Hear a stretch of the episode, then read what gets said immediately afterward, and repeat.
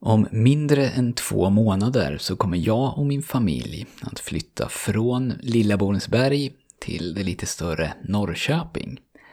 Och eftersom tiden går så fort och eftersom både maj och juni kommer att vara hektiska för oss så har vi påbörjat våra förberedelser för en gångs skull i någorlunda god tid. Och vad vi har gjort hittills det är att vi har börjat rensa bland sånt som vi har nu men inte kommer att ta med. Framförallt sånt som vi aldrig använder. Och ju mer vi rensar, desto bättre känns det. I alla fall för mig. Jag känner mig lättare, friare och jag känner mig till och med mer motiverad i allmänhet. Det är väldigt tydligt att prylar tar plats och tynger ner. Inte bara fysiskt, utan också mentalt. Kanske framförallt mentalt till och med. Det var ett tag sedan som jag gjorde ett avsnitt om befrielsen och tillfredsställelsen som finns i att leva med färre prylar och hur lustfyllt det är att göra sig av med allt bråte som man samlar på sig under åren. Men idag så kommer jag prata om det och jag heter Daniel Sjöstedt och du lyssnar på Monkey Mindset. Innan jag börjar så vill jag göra en liten disclaimer. Jag vill vara tydlig med att det här inte handlar om moral eller vad som är ett rättfärdigt sätt att leva i jämförelse med andra. Utan för mig, och det har jag säkert sagt förut, så är det till mångt och mycket en självisk handling. Alltså jag mår bättre av det här. Och inte bara då på de sätt som jag nämnde nyss, lättare, friare och mer motiverad, utan jag känner mig också lite duktig inför mig själv. Jag känner att jag är på rätt spår. Att jag åtminstone i den här delen av mitt liv rör mig i rätt riktning. Och det är viktigt för mitt allmänna mående. Men, som med det mesta som är bra för en, så är ju det här en kamp. Det borde, tycker jag, vara tvärtom. Att normaltillståndet är att ha lite och, att det kostar att man behöver kämpa för att ha mycket. Men i vårt fall i alla fall så är det så att när stekpannan blir dålig till exempel så köper vi, eller jag, en ny på ICA. Och istället för att byta ut den gamla så tycker jag nog att det finns lite liv kvar i den. Särskilt behändigt att ha en till när man steker pannkakor. Så jag sparar den för säkerhets skull. Och på samma sätt med samma sätt att tänka så har vi två decilitermått, tre, fyra tillbringare och tiotal plastburkar. Varje enskild sak, den kan kanske, om man verkligen vill, motiveras. Och ibland så kommer de ju också självklart till användning. Men sammantaget, och nu pratar jag kanske bara för mig själv här och inte övriga familjen, jag vet inte riktigt, men sammantaget så tycker jag att vi har dubbelt så mycket saker i vårt kök än vad vi behöver. Eller vad vi skulle klara oss på. Och det kommer med en kostnad. Och vi har också sånt som vi inte längre använder och som vi nog inte kan sälja men som det ändå känns fel att bara slänga. En stor låda med CD-skivor. Eller en kasse med DVD-filmer. Men de här sakerna, de kommer nu att ryka och egentligen så är det ju inte så svårt. Till exempel så kan jag ju bara fråga mig själv att skulle jag ta emot de här prylarna om jag fick dem gratis? Om svaret är nej, vilket det är, så är ju beslutet, eller borde ju beslutet, att slänga vara enkelt. Och det jag har pratat om hittills, det är ju prylar. Och framförallt prylar som inte har något egentligt värde förutom den nytta de gör, alltså förbrukningsartiklar. Och även om det här också är en kamp, att man medvetet behöver jobba för att inte samla på sig en massa, fylla köket eller badrummet eller garderoben, så är den kampen ändå, tycker jag, i alla fall den lättare delen. För det, den går ju liksom att schemalägga. Då och då så rensar vi och när vi har gjort det så är det trevligare i vårt hem. Om man nu tycker det. Det som är svårare, det är att fundera på vilken väg vill jag gå? Eller hur vill jag leva mitt liv?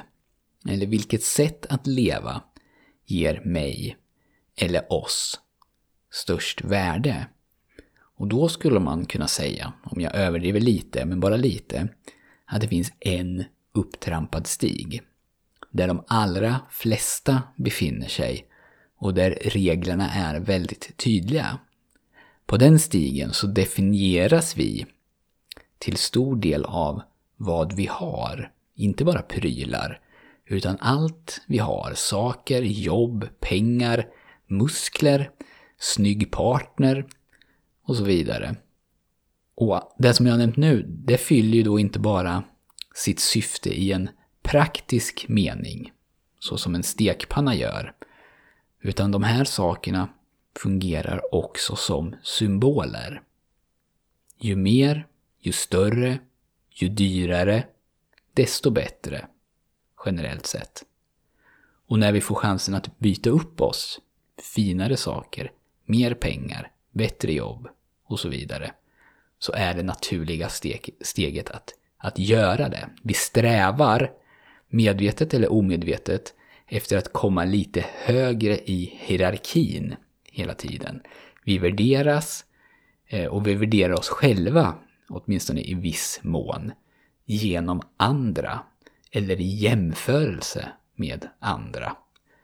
Och jag tror inte att det finns något automatiskt fel med den här stigen. För vissa så passar den jättebra och för andra kanske den passar jättebra under vissa perioder i livet.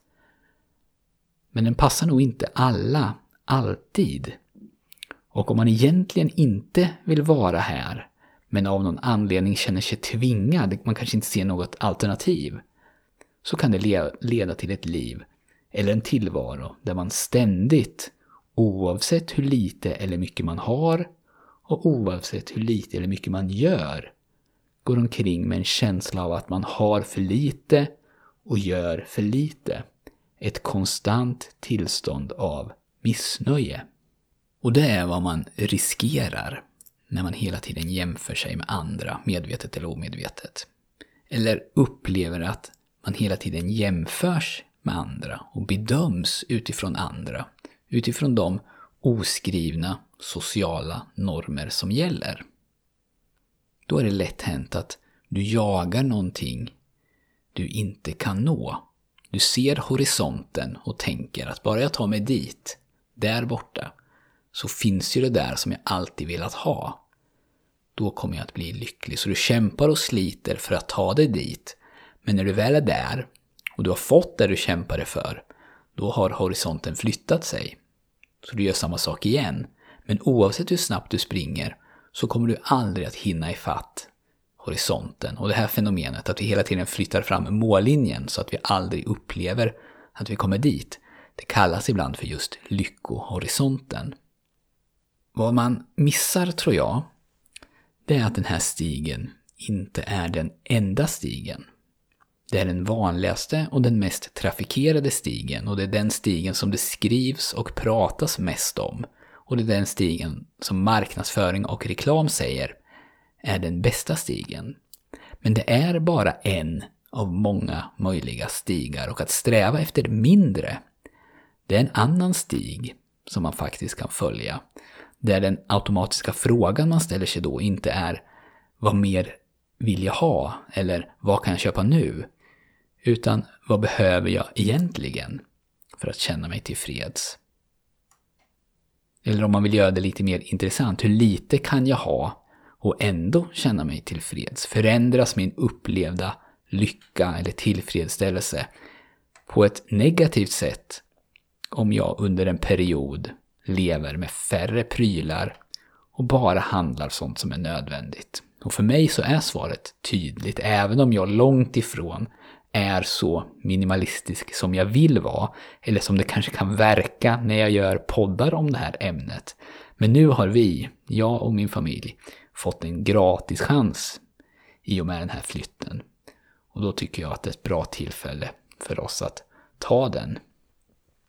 Och det finns ju väldigt lite att förlora på att åtminstone testa. Du behöver ju inte börja med att rensa genom att slänga, utan du kan ju rensa och ställa undan dina prylar i ett förråd eller liknande och se hur du upplever det.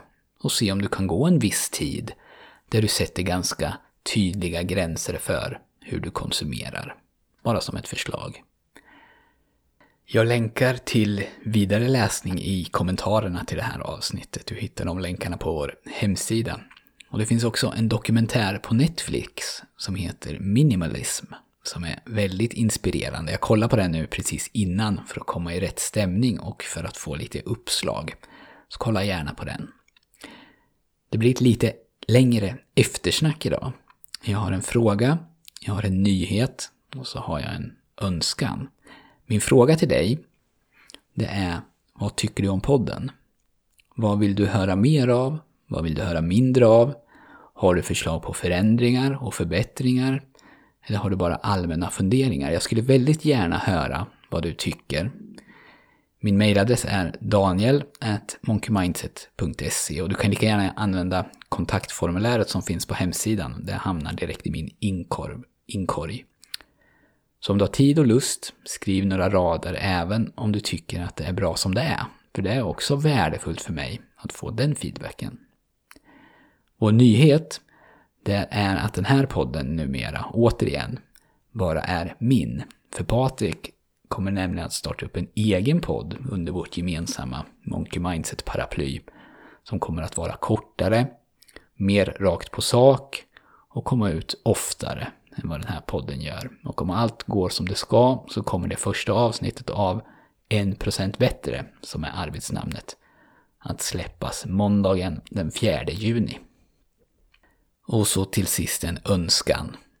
Om du gillar podden och lyssnar på den genom en Apple-produkt, eller om du har en Apple-produkt hemma, skulle du då kunna lämna en recension på iTunes. För recensioner, tror jag i alla fall, det lyfter podden och gör den mer synlig. Och när den är mer synlig så får vi mer lyssnare. Och det är väldigt tydligt.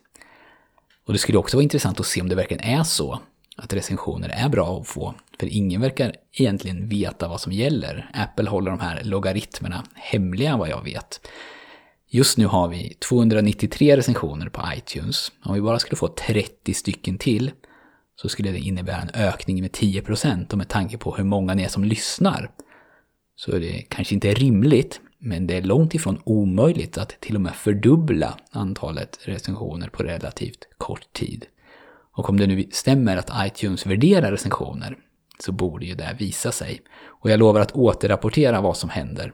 Oavsett om ingen av er recenserar det, oavsett om de här recensionerna leder till att vi rasar på listorna. Så mejla gärna vad ni tycker och recensera gärna på iTunes. Men känn ingen press, jag är nöjd och tacksam bara för att du lyssnar. Vi hörs!